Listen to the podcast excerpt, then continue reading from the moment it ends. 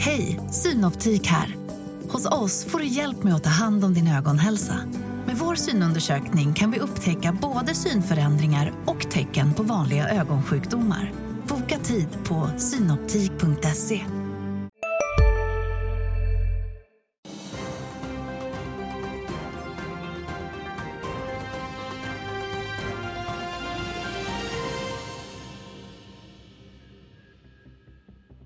morgon, välkomna till Börsmorgon torsdag. Det har hunnit bli den första juni, månadens första handelsdag. USA-börserna backade igår, S&P Nasdaq drygt en halv procent. Asien stiger istället under morgonen med hjälp av att USAs representanthus röstat igenom en höjning av skuldtaket. Tokyo och Hongkong är upp ungefär en halv procent. Terminen för Stockholmsbörsen skvallrar om en öppning i samma härad plus en halv procent klockan nio. Och I dagens program så ska vi bland annat prata om SAS dagsfärska rapport för sitt andra kvartal där förlusten ökade i årstakt. VD Anko van der Werf är med oss alldeles strax. SBBs historiska ras igår och diskussionen kan man kanske kalla det om förmågan att täcka täcka sina räntekostnader. Och så blir det aktietips där bland annat en tung sektor på Stockholmsbörsen har en ganska omotiverat låg värdering. Med i studion för att göra det här Maria Lanneborn, seniorstrateg på Danske Bank och Lasse Lundgren, förvaltare på Aktieansvar. Välkomna hit. Tack. tack, tack. Vi har alldeles strax med oss Anko van der Werf från SAS. Jag kan dra lite siffror först också. Rörelseförlusten ökar till knappt en miljard. Det här är alltså bolagets andra kvartal i sitt räkenskapsår. Omsättningen ökade visserligen eh, till knappt 9 miljarder. Kostnaderna uppgick till knappt 10 miljarder. Lasse, är det någonting som du tycker känns betryggande? Tyvärr skulle man ju vilja säga att det känns betryggande men det är väl tråkigt att konstatera att man, att man fortfarande går med förlust naturligtvis. Men SAS är ju mitt i en omstrukturering kan man väl säga. Däremot känns det väl som efterfrågan är väl ganska okej. Okay. Jag vet att man klagade på flygbränslepriserna här i rapporten men eh, oljan är ju inte hög så att eh, man måste nog få ner kostnaderna här för att få det här att gå runt faktiskt. Mm. Vi eh, återkommer till det alldeles strax eftersom att vi då ska koppla in också VD Anko van der Werf. Jag byter över till engelska. CEO Anko, uh, thank you for joining us. Uh, a lot going on for SAS, but let me first get your view on your second quarter. Yeah, thank you for having me. Um, second quarter, I think unsurprising. Um, some very good news, and that is, of course, that that trend, that demand, positive trend, uh, continues. Um, we had up to 36% um, more passengers than last year and almost 30% more revenue. So really, we see that people are prioritizing travel, and that is, of course, good to see for us. And after the previous quarter, your first, you repeated your yearly prognosis of a positive result before tax for this current financial year. It seems you are repeating some of your previous prognosis, revising other targets. Yeah, we, we are, absolutely. So we always said that this year was going to be still a challenging year for SAS on the whole, right? So at EBIT level, EBT level, very, uh, very challenging still, so loss-making. And that we really see next year that that recovery is fully in, in full swing for us also in the numbers um, on, on EBT level, right? So um, yes, we definitely still see that. We have come out of our two most difficult quarters now, right? That winter season for us, that's from November to April. That's those first two quarters. And what we see going forward is definitely, uh, yeah, healthier. And when it comes to your business, as you say, demand passenger traffic on the plus side. However, uh, right now, I guess the markets are more interested when it comes to your cost control, also the fundraising that you do under the Chapter 11 um, filing in the US. Could you give us some update on what's going on? Yeah, positive that we have at least set that new step, right? In the Chapter 11 process, as you rightfully so say, there is there is several steps. One is creating that business plan and then raising equity on that new business plan. That is something that we have been able to start. Um, so the business plan is ready, and we started the equity raise process, called it about two weeks ago, right? Um, so early days, uh, we see interest, and it is a 13-week process which we aim to complete towards the end of August. So by then, hopefully, more more news. And on the cost side, uh, previous quarter you talked about the fuel prices being quite a challenge for you. Uh, oil prices has going down, but it seems like you're still kind of struggling with that. Well, that this is the previous quarter results, of course. So oil, oil prices have come down over the last yeah few weeks. Um, that's outside of that quarter. But at the same time, the rate of exchange um, is really going against us, right? So that that that that that combination of fuel, rents, distribution costs, some airport costs, of course, in the United States, everything is in dollars. So the very weak kroner is definitely, in that sense, not uh, not helping either. And I have to ask you, early in May, the EU Court of Justice declared your financial support of 11 billion Swedish kroner from the Danish and Swedish state during 2020 as illegal, meanwhile stating that they are working closely with Denmark and Sweden in regards to your reorganization. Is there anything new on the subject, or if the verdict stands, what does that mean for you? No, there's, there's, there is not, uh, there's nothing new. We don't also need anything new in that sense tomorrow or next week, right? Um, I think let's break it down. First of all, we have seen zero impact of that on our business, and we don't expect any on, on our business as, as a whole either, right? Operationally, neither, neither operationally nor commercially, really, that, uh, that led to any impact. What is always um, the, the, the, case, or what always had been the case, is that we, from the 2023 equity raise that we're doing, we have always said we have to go through an, a regulatory approval process towards the end um, of it, right? So after the summer, when we have completed that equity process, and that is when we would deal with the equity raise of this summer including the debt to equity conversions, and some of those debt to equity conversions are coming out of 2020. So for us, really, there is, in that sense, um, yeah, nothing fully new. And secondly, we are working through it uh, to make sure that we are in that good shape after the summer.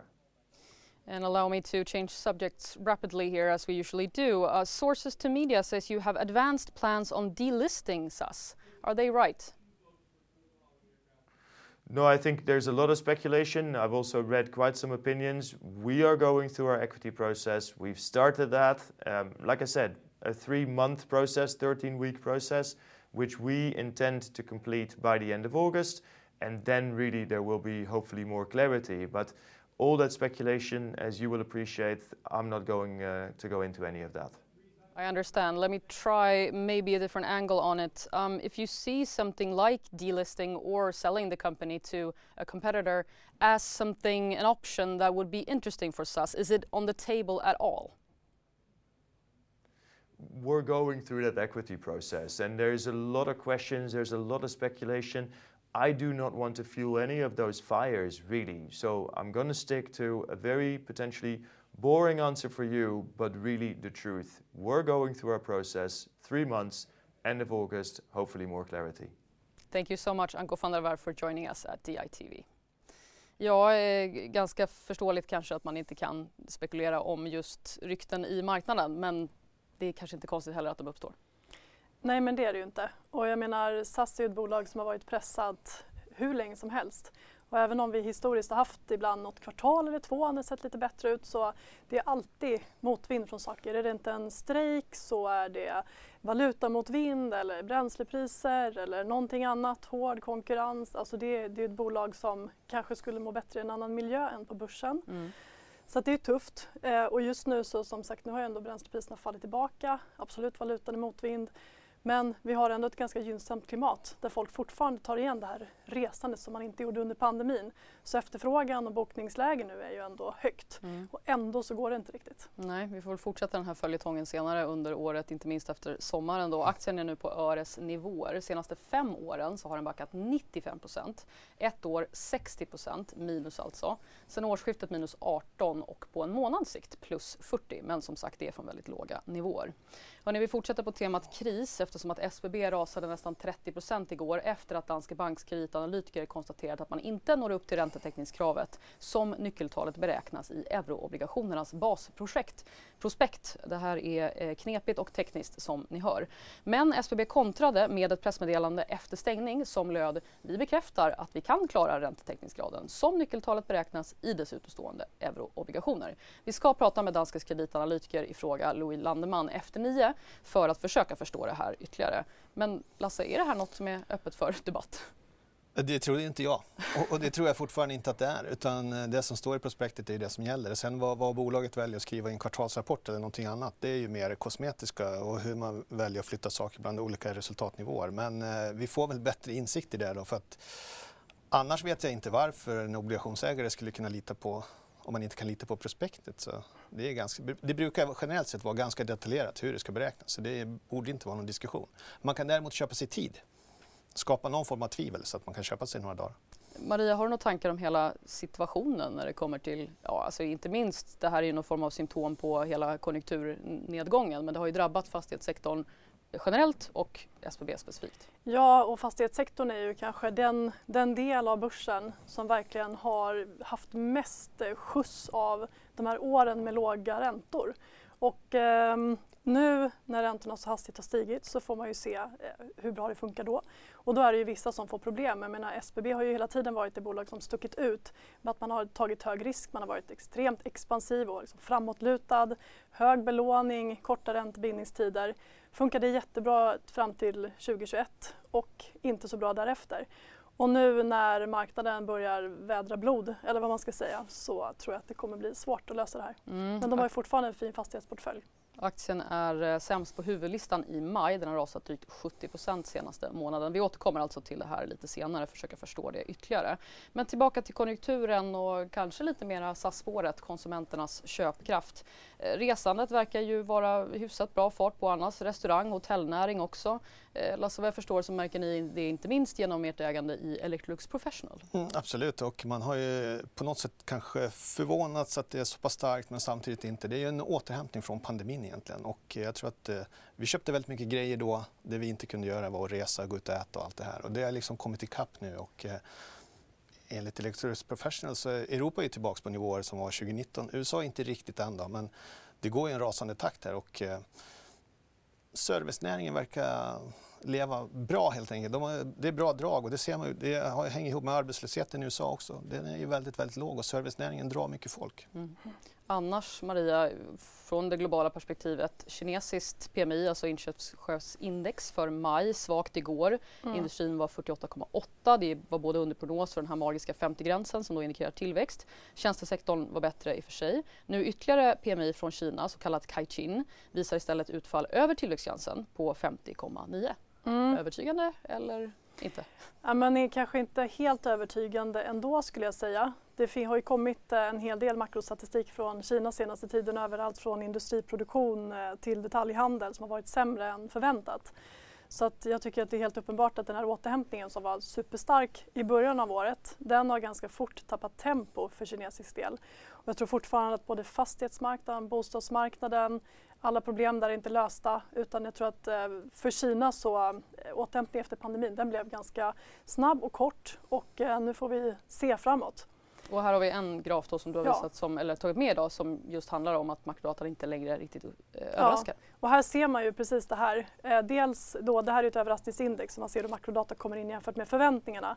Och den gula där har vi ju Kina och då ser vi ju hur det tog fart efter att man öppnade upp då. Och eh, makrodata var urstarkt under en period men sen har det ju fallit som en sten.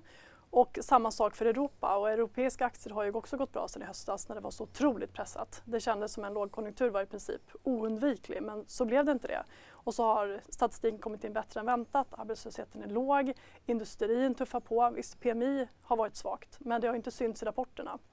Så det har varit medvind för börsen av att allting blivit bättre än vi trodde. Men nu ser vi hur det här börjar tackla av så att kortsiktigt så tror jag att det kan vara lite tuffare faktiskt. Och om vi håller oss fortsatt till Kina så har du också en, en graf på hur aktierna inte heller verkar vara speciellt lyckade. Börsutveckling alltså sedan årsskiftet i lokal valuta kanske är viktigt mm. att notera och då är Kina alltså längst ner där. Ja exakt och då är Kina ner 7 och då hade vi ju liksom en jätteskjuts från början på december och framåt. Ehm, men som sagt, ganska fort så, så vänder det där ner och jag tror för kinesisk del att det finns otroligt mycket eh, andra saker som styr också. Det finns osäkerhet kring hur man ska driva tillväxten framåt om man nu inte ska hålla på och, och bara göra det genom byggande. Eh, och så har vi hela den här geopolitiska osäkerheten som jag också tror kommer göra att både på kort och lång sikt så kommer investerare vara mer försiktiga med Kina än vad man har varit tidigare. Det är inte det här självklara tillväxtcaset längre. Um, Ska vi prata om de andra här också? Eller? Nej, vi väntar lite. Vi väntar. med, tanke på att, på ja, med tanke på att börsen snart öppnar. Ja. Jag vill bara notera också att eh, vårt, alltså Silv Swedbanks industri-PMI för maj backar till 40,6. Ja. Ouch! Ouch! Och eh, orderingången faller som en sten ner mot 30 och den tenderar ju att vara ledande ehm, för vart huvudindex tar vägen så att det här är ju ursvagt. Och vi har ju sett fler PMI-siffror som har pekat neråt. Eh, preliminära siffror som kom i veckan för Europa som var svaga. Så att vi får se. Vi ska prata mer om det här lite senare så vi har mer tid att lägga ut texten. Men det här var i alla fall allt vi hann innan handelsstart för klockan är nio. Börsen är öppen och vi går ut till Sofie i Marknadsstudion.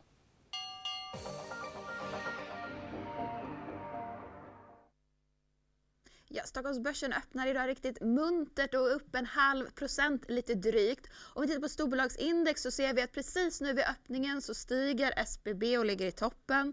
Och vi ska givetvis ha koll på den aktien som sades tidigare i programmet så Danske Banks kreditanalytiker menar att bolaget bryter mot villkor för räntetäckningsgrad när det gäller euroobligationerna som gavs ut 2021 åtminstone sett till bolagets tidigare sätt att redovisa SBBs egna bedömning är däremot att bolaget klarar räntetäckningsgraden. Det framkom i pressmeddelandet som de skickade ut efter börsstängning igår.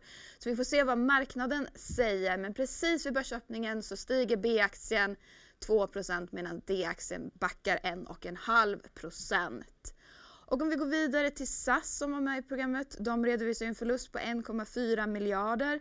Men flygbolaget ser fortsatt positivt på efterfrågan och upprepar prognoserna. Och de backar nu på morgonen 14 procent. Byggbolaget Skanska de stiger en halv procent. De har tagit en miljardorder från USA för att bygga campus på universitet i Boston. Sen Phylum Mining ska göra en riktad emission om 100 miljoner Kanadadollar. Största ägaren, familjen Lundin, har signalerat sin avsikt att köpa aktier för upp till 70 miljoner Kanadadollar. Och Phylum Mining rör sig idag upp 3% Även OX2 stiger. De har sålt en vindkraftspark till ett italienskt bolag och är nu upp en halv procent lite drygt. Epiroc stiger 1% det har ju kapitalmarknadsdag och upprepar sina finansiella mål. Så vi får se om det kommer några fler nyheter därifrån under dagen. Ett rejält rus kan vi kanske se i Index Pharma idag. Vi har inget avslut där ännu. Men de har ingått ett licensavtal med Viatris Japan för att lansera ett av deras läkemedel i landet. Och avtalet är värt upp till 50 miljoner dollar. Så det ska bli spännande att ha koll när vi väl får ett avslut därifrån. Och om vi avrundar med läkemedel så avbryter AstraZeneca utvecklingsprogram för behandling mot Crohns sjukdom. Men som sagt, Stockholmsbörsen i stort är muntert så här vid öppningen. Tack så mycket Sofie. Det beror lite på vem man heter tänkte jag säga med tanke på okej okay, SAS minus 8% det är ju några öre hit och dit så det blir ju väldigt stora eh, procentuella rörelser här. Eh, men det känns ändå ledsen med tanke på att ni båda var inne på att tjänar man inte pengar nu när, när det ändå finns efterfrågan och, och oljepriset går ner, ja, då marknaden verkar ha tagit fasta på samma sak. Det är svårt det känns som vi kommer till en T-korsning här förr eller senare. Och i höst kommer vi att konvertera massa skulder till, eh, till aktier också. Och hela ägarbilden kommer förändras i SAS, ska man komma ihåg. Så att det kommer ju inte att vara staterna längre utan det är väl Apollo egentligen som kommer att bli största ägare då om man konverterar de här skulderna vad jag förstår. Mm. Också och, vad jag förstår. och då är jag inte riktigt säker på att skulle de vilja ställa upp på en ny emission om man kommer ännu längre fram och det går dåligt? Jag är inte säker på det. Nej. Och SBB då, plus fyra? Är det något ja. att på? Det, det, är stora rörelser, det är små rörelser, höll jag på säga. Eh, det är små rörelser i kronor, stora i procent. Och så just då Index Pharmaceuticals som eh, eh har kommit ett avslut nu och är upp nästan 100% Men det är också en aktie som handlas på öresnivå. Så även där är upp från 35 öre till 70. Så ni förstår lite hur kursen ser ut också. Eh, Epiroc, alltså sin kapitalmarknadsdag idag, stiger då på eh, uppgifterna om att man eh, upprepar sina finansiella mål i alla fall. Vi ska fortsätta titta på börsen lite senare också, men vi ska fortsätta just på spåret om eh, SBB och deras räntetäckningsmöjligheter, eller inte. Vi har med Louis Landeman, kreditanalytiker på Danske Bank, som gav ut den här kommentaren igår eftermiddag.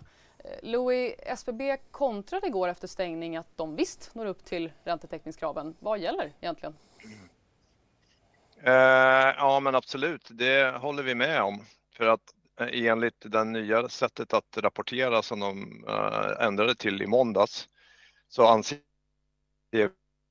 vi också att de så det stämmer. Men om man, om man bara ska ge lite bakgrund, för det kanske låter lite tekniskt det här med kovenanter och sånt där.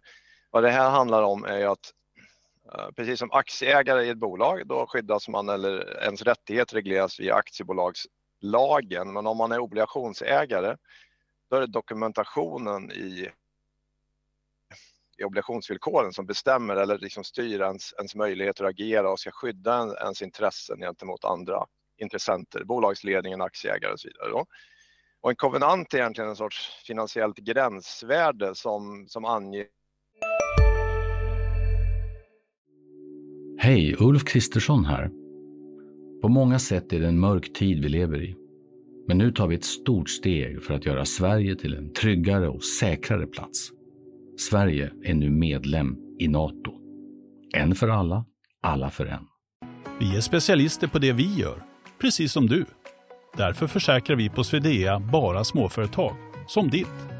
För oss är små företag alltid större än stora och vår företagsförsäkring anpassar sig helt efter firmans förutsättningar. Gå in på swedea.se företag och jämför själv.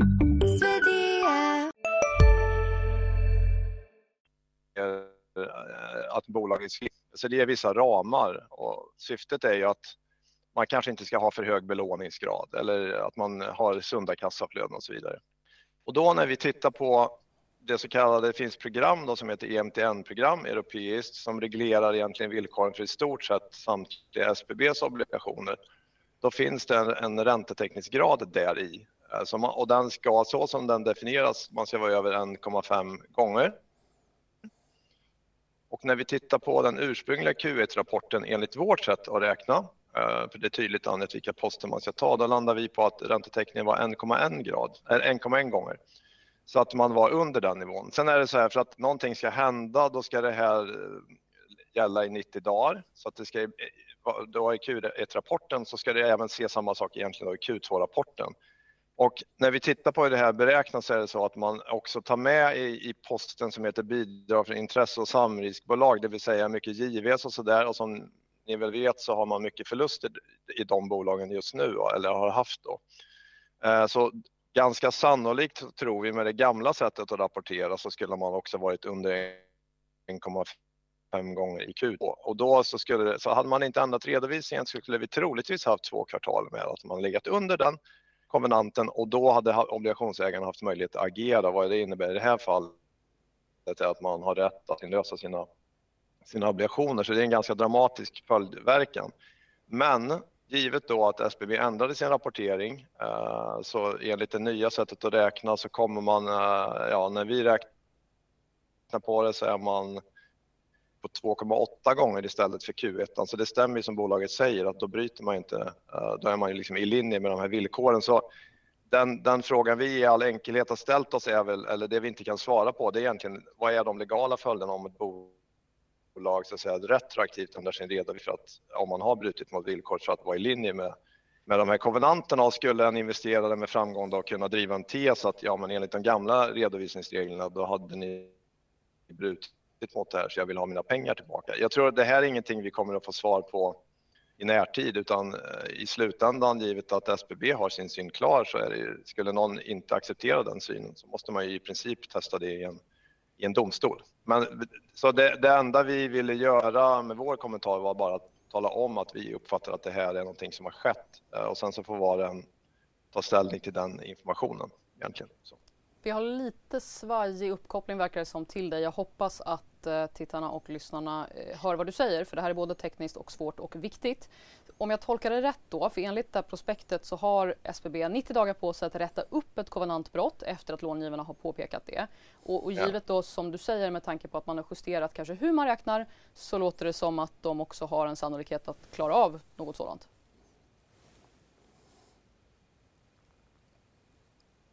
Ja, så återigen, det får vi väl över tiden se om det stämmer eller inte. Och om man inte lyckas, vad händer då?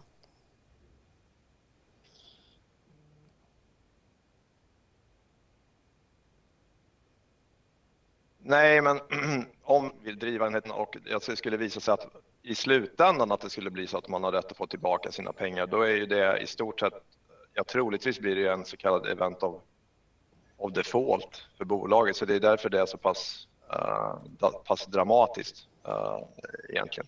Men huruvida det är så eller inte, det ska jag säga, det är väldigt oklart. Jag tycker inte att det finns ett solklart ja eller nej här, utan det är väl helt enkelt så att i det här läget är det helt enkelt en, en osäkerhet. Jag säger tack så mycket för att du var med i Börsmorgon, Louis Landeman, kreditanalytiker på Danske Bank också. Och vi lär väl få eh, kanske prata igen, tänker jag, med tanke på att det här inte verkar helt såklart. Blev ni klokare? Inte riktigt. Eh, det låter konstigt om bolaget kan själva ändra sin redovisning och i efterhand då påverka de här nyckeltalen som borde vara skriv, skrivna i sten i det här prospektet, obligationsprospektet, tycker jag. Ja, rimligtvis var man ju överens om hur det här beräknades när det upprättades. Men eh, ja, vi får väl se. Jag litar på Louis expertis också att det här är knepig materia Ja. så att vi får eh, fortsätta diskutera det här lite senare. Jag tänker att vi ska ta upp tråden igen som vi började dra i innan klockan nio. Den eh, svaga makrostatistiken bland annat, geopolitisk oro och annat som ligger börsen i fatet. För när vi också, Lasse, inte bara tittar på den kanske eh, utvecklingen som har varit i, i Kina, den som har varit i USA istället. Man tänker att men här har varit en tydlig uppgång. Även där så finns det ju en bräcklighet och en Ja, skörhet. det finns ju en, eh, det, vi har ju inte riktigt bredden i uppgången egentligen som vi, som vi kanske skulle vilja ha. Då. Och med bredd så menar vi att alla sektorer, alla bolag kan man säga bidrar till börsuppgången, vilket, vilket inte är fallet just nu. Eh, I S&P 500 så är det alltså åtta bolag som står för i princip hela uppgången. Och, eller åtta bolag, det är åtta aktier och det är egentligen sju bolag för Google eller Alphabet har ju två aktier då. Men Så typ FANG och halvledare gissar jag på. Exakt. Det, det är de gamla techbolagen plus eh, Nvidia som har dykt upp då och Tesla naturligtvis. Och eh, under ytan här så är ju S&P ner. Ett, eh, lika viktigt är ju faktiskt ner då. Så att, eh, bank, industri och sånt där börjar få lite, lite motstånd faktiskt. Och eh, i USA är det egentligen extremt för här är det ungefär 10% skillnad. I, I Sverige så kanske är det ett lika viktat OMX40 är upp eh, 4 medan stor OMX kanske 10.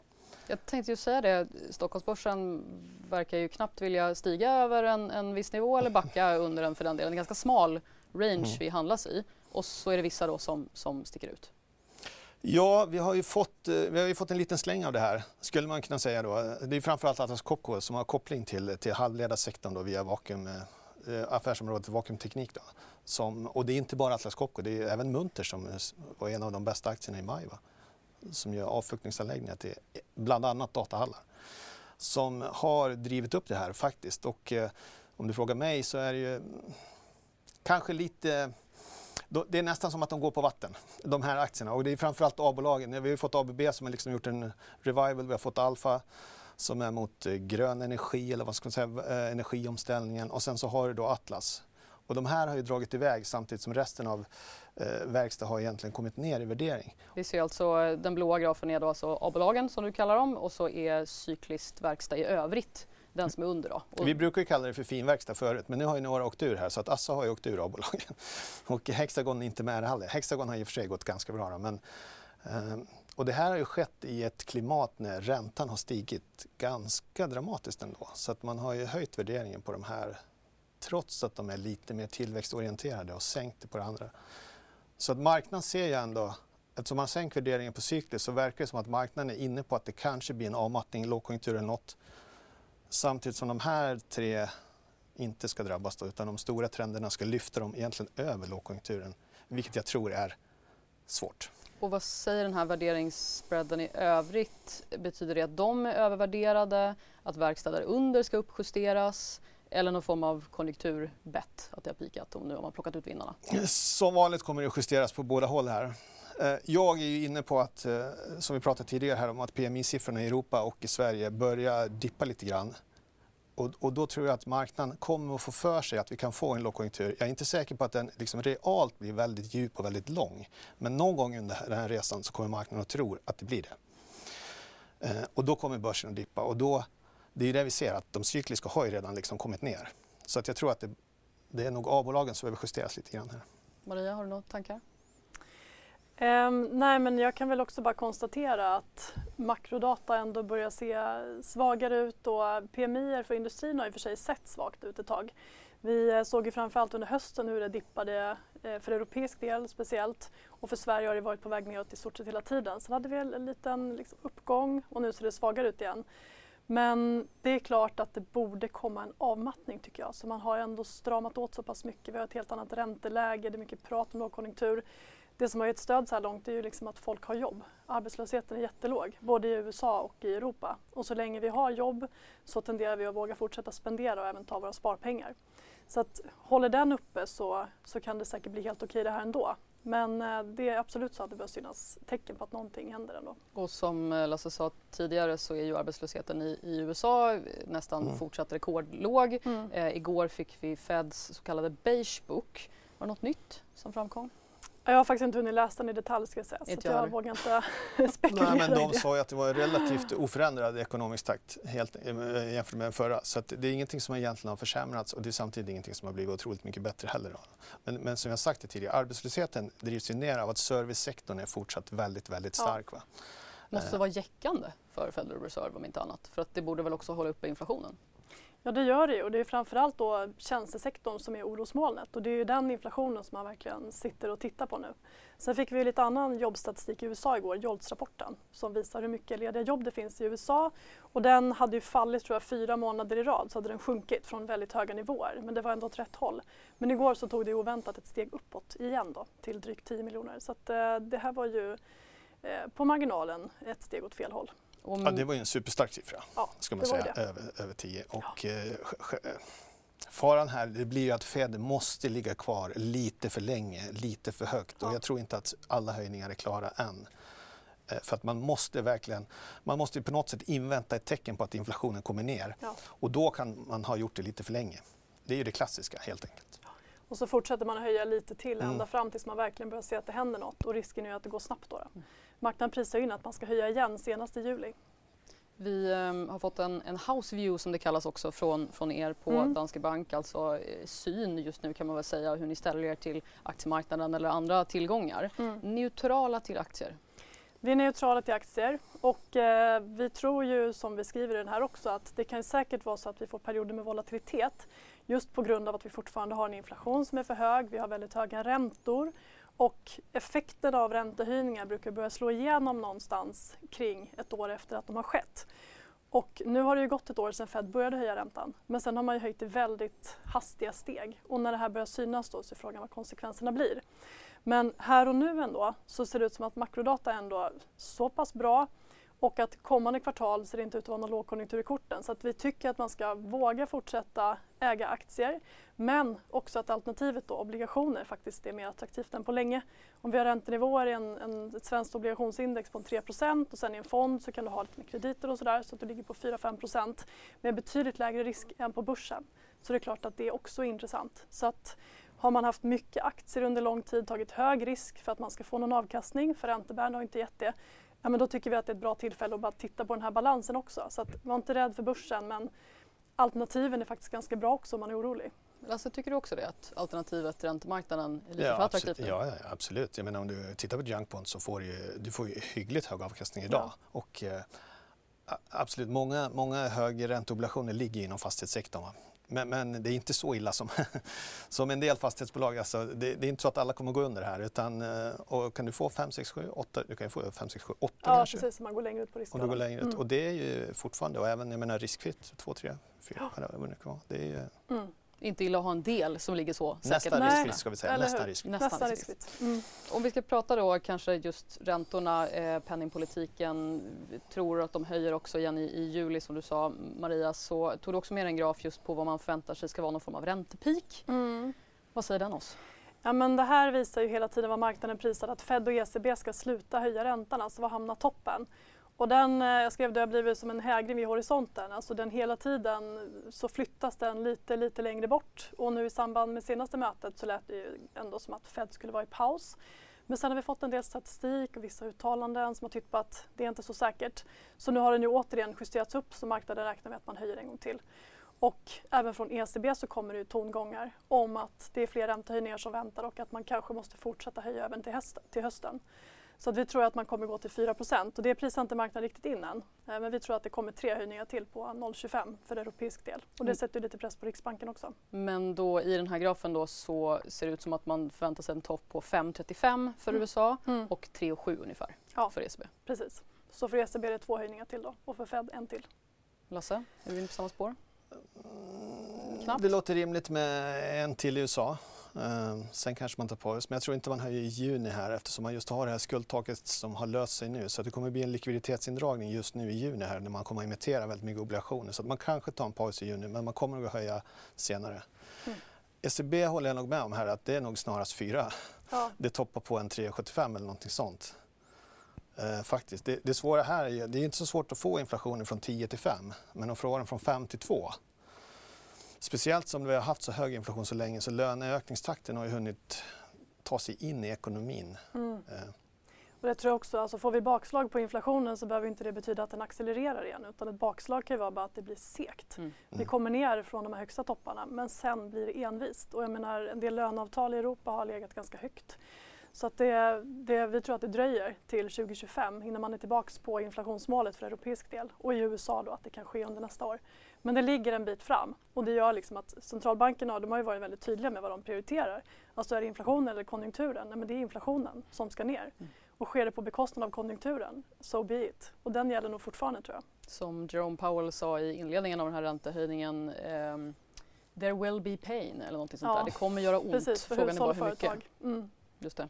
Eh, apropå ont så är det desto snällare på börsen i alla fall. Vi ska uppdatera oss igen om hur det ser ut här hemma. Sofie, du kan väl berätta vad du ser där ute? Ja, det fortsätter i dur här på Stockholmsbörsen som är upp en halv procent ungefär. Om vi tittar på storbolagsindex så ser vi att San, vi har Sandvik och Autoliv i toppen som båda stiger omkring 2 procent. Däremot i botten så har vi SBB som tappar 7 procent nu på morgonen. De öppnade ju över nollan men backade ganska direkt. Så vi ska ha koll på den aktien under dagen. Backa gör även SAS, fast på sin rapport. De redovisar en förlust på 1,4 miljarder. Men bolaget ser en fortsatt positiv efterfrågan. Och på det positiva planet så imorgon kommer bolaget att sälja sin första biljett för elplansfärd. Men den som köper en biljett får vänta till 2028 med att flyga. Index Pharmas kommer, står för dagens stora rus. De är upp lite dryga 70% nu. Det har ju ingått ett licensavtal med Viatris Japan för att lansera ett av sina läkemedel i landet och avtalet är värt upp till 50 miljoner dollar. Philo Mining är upp 3% Det ska göra en riktad emission av 100 miljoner Kanada-dollar. Och om vi tittar på dagens rekar så Berenberg ger Telia köprekommendation och Tele2 sätter de behåll på. Men inga större rörelser, båda aktierna backar nu på morgonen. Epiroc som har kapitalmarknadsdag får höjd riktkurs av Bernstein och även H&M får höjd riktkurs fast av Jeffries. Men som sagt, Stockholmsbörsen i stort är munter idag och ja, fortsätter som vid öppningen på en halv procent upp. Mm, tack så mycket för det Sofie. Ja, ehm, som sagt muntert för ehm, breda index i alla fall eller indexnivå, jobbigare för andra. Men om vi ska försöka knyta ihop det här som vi var inne på, konjunktur, eh, oro, svårt, osäkert. Jag tycker just envist och segt sammanfattar den här diskussionen om vad centralbankerna ska göra ganska bra. Men alltså vi försöker ju, eller vi, du försöker åtminstone få pengarna att jobba trots dystra utsikter. Så vad tittar du efter och på? Ja, vi har ju pratat om det just nu, att, att verkstad kanske är lite dyrt, framförallt de här A-bolagen. Och jag tycker, eftersom jag har en liten försiktig konjunktursyn, eller snarare att jag tror att marknaden kommer att inbilla sig att det blir någon form av djup lågkonjunktur här vid något tillfälle, eh, så ska man kanske plocka upp de som har tagit lite smäll. Då är det, då är det hellre tidigt cykliskt än de här A-bolagen jag pratar om. Eh, eller bank naturligtvis. Eh, för bank, den svenska bank handlas ju rekordlågt just nu. Och det beror ju helt enkelt på att svensk bank har ju mycket större exponering mot fastighetssektorn än en bank normalt sett har i Europa eller USA. Så att bank är nere på P-tal under 7 nu. Och vi har ju direktavkastningar på 8, 9, 10 procent här. Och, och eh, jag tycker att SBB-härvan är ju tragisk för alla småsparare då, men det känns ju som vi kommer till vägs ände ganska snart här. Och, och jag tror ju att om vi kan lösa den och vi ser att vi kan lösa den härvan på något sätt utan att det blir kreditförluster i banksystemet, vilket jag inte tror att det ska bli faktiskt i det här fallet. Och varför inte? Ja, det är inte bankerna som lånat ut de mesta pengarna här utan det är obligationsmarknaden som egentligen ligger eh, mest eh, risigt till så att säga. Och, eh, även om bankerna i Sverige har hyggligt stor exponering och då pratar vi 15-16 procent förutom eh, Handelsbanken som har runt 30 så, så har man ju ett loan to value på mellan 45 och 50 procent. då. Så att det krävs ganska stora prisfall på fastigheter för att bankerna ska få några kreditförluster på fastigheter än så länge. Och riktigt så illa är det inte i konjunkturen här utan det här är egentligen en värderingsfråga. Det är inte en, Fredrik Lundberg sa i, i, i tidningen igår, va? det är inte en cashflow-fråga egentligen. De flesta kan täcka sina räntebetalningar. Så att Jag tror inte vi ska se kreditförluster och om vi får se att, bank, att en sån här sak löses utan att banksystemet drabbas så kan det liksom Hjälp banksektorn. Så att eh, en lösning på fastighetskrisen hjälper bankerna egentligen. Så det är egentligen bäst att köpa bank om man tror på fastigheter skulle man kunna säga. Vi har grafen då som, som syns i bild också sträcker sig från eh, dels alltså de fyra storbankerna och den sträcker sig från förra årsskiftet ska sägas. Så att sen årsskiftet så, eller där eh, februari, mars någonting så ser man att det går ganska skarpt neråt. Det är Nordea som är den gula grafen, alltså den som har gått bäst, bara ner några procent medan då Handelsbanken är ner lite mer. Har du någon favorit? De här ligger helt enkelt i, i, i de, utvecklingen speglar egentligen hur stor exponering man har mot fastigheter skulle jag vilja påstå. Nordea är väl de som har minst då, runt drygt 10-11 och Handelsbanken runt 30 då. Så att, eh, vi äger både Nordea, det vi har köpt på slutet är ju Handelsbanken faktiskt för att vi tror inte att eh, det kommer att drabba banksektorn så hårt som marknaden tror. Maria, har du några tankar om just bank och dess låga värdering just nu när räntonettorna svällar? Och... Ja men de gör ju det. Men, nej, men det är ju dels eh, förstås fastighetssektorn som är den, den stora grejen. Eh, men sen så har det funnits ett svagt sentiment också kring banker eh, globalt efter det som hände i USA i mars. Så att det har ju också bidragit eh, och det blir liksom flöden som också bidrar till att även om svenska banker egentligen är mer stabila, det finns inget som talar för att de är exponerade mot det, så dras de ju med. Så att den skjutsen kom och sen så har vi haft tilltagande kris på fastighetsmarknaden och framförallt i SBB. Så det är en, en dubbel smäll som gör att bankerna är lågt värderade. Du är inte jätteförvånad med andra ord med de förutsättningarna? Nej, men, nej, det är väl egentligen inte. Men jag håller ju med om att svenska banker är ju liksom välskötta, välkapitaliserade. De tjänar bra pengar, är lönsamma, vilket är en fördel i det här fallet. Det är jättebra. Mm, så sätt upp bank på bevakningslistan. Alltså det är en helt annan värld ska man komma ihåg. Alltså när vi går från minusräntor till att ha no, någon form av räntor, alltså det blir ett positivt räntenetto där som är ganska ordentligt. Så det spelar liksom ingen roll om man tror att ja, Riksbanken kommer att sänka 25 punkter någon gång för att det blir kris eller 50 punkter. Vi kommer inte att gå till minus 50 igen, eh, är jag ganska säker på. ska, vi, ska vi säga nu. Men, du och Stefan Ingves tar det ja. Det är en helt annan värld helt enkelt och i den världen tror inte jag vi ska ha rekordlåg värdering på bank. Och förutom bank då, något annat som du tycker är intressant? Ja, det jag har tagit med mig här det är ju konsultbolaget Afri som är helt enkelt eh, har kommit ner ganska ordentligt. De hade en kapitalmarknadsdag. De har haft lite problem genom åren eh, med just marginalutvecklingen. Man har gjort en hel del förvärv. Det sista stora var ju Pöyry i Finland egentligen som har blivit stor inom massa och pappersindustrin.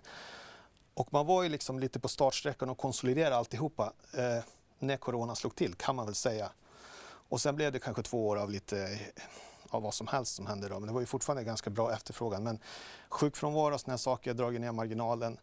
Så hade man en kapitalmarknadsdag i början på det här året eh, där man adresserade det här problemet och marknaden fick kanske börja tro på att man skulle nå 10 målet som är det man har på ebitda-marginal. Man låg på ungefär på 8 då. Och sen fick man in en Q1-rapport där man faktiskt låg på 10. Nu var det lite kalendereffekter just i det här Q, eh, första kvartalet då, som gjorde det. Men man ser ändå att resan är åt rätt håll. Men sen dess har aktien tappat eh, ganska betydligt faktiskt. Så jag tycker att det helt enkelt är för lågt värderat.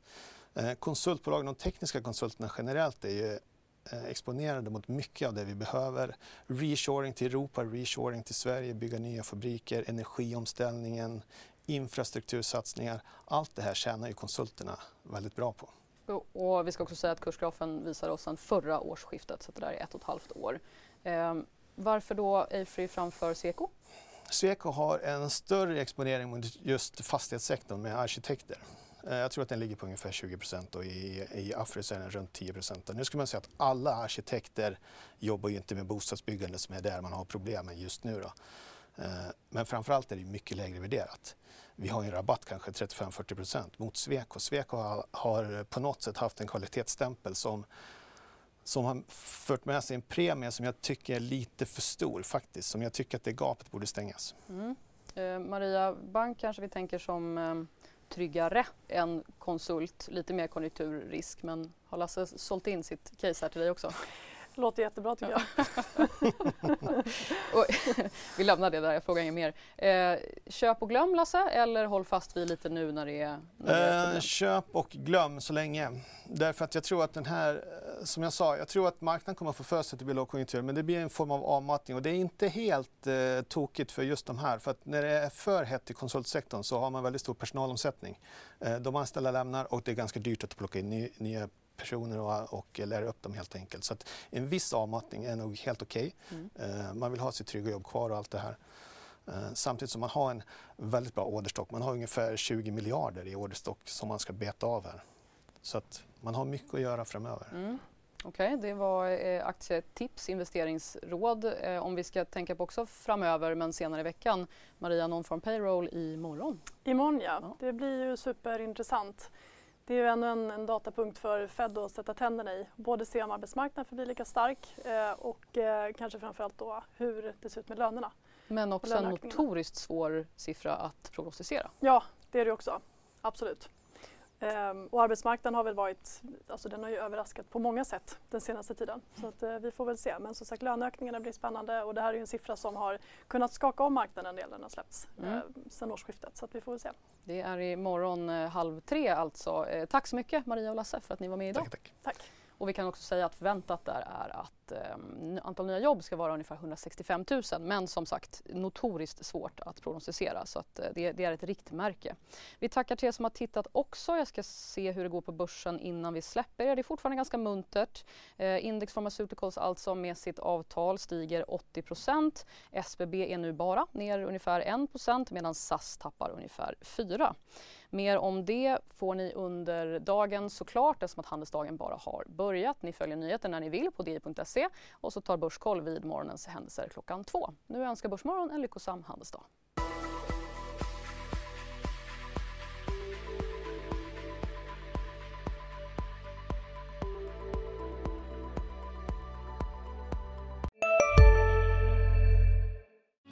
Hej, Susanne Axel här. När du gör som jag och listar dig på en av Krys vårdcentraler får du en fast läkarkontakt som kan din sjukdomshistoria. Du får träffa erfarna specialister, tillgång till lättakuten och så kan du chatta med vårdpersonalen. Så gör ditt viktigaste val idag, lista dig hos Kry. En nyhet. Nu kan du teckna livförsäkring hos Trygg-Hansa. Den ger dina nära ersättning som kan användas på det sätt som hjälper bäst. En försäkring för dig och till de som älskar dig. Läs mer och teckna på trygghansa.se. Trygg Hansa. Trygghet för livet.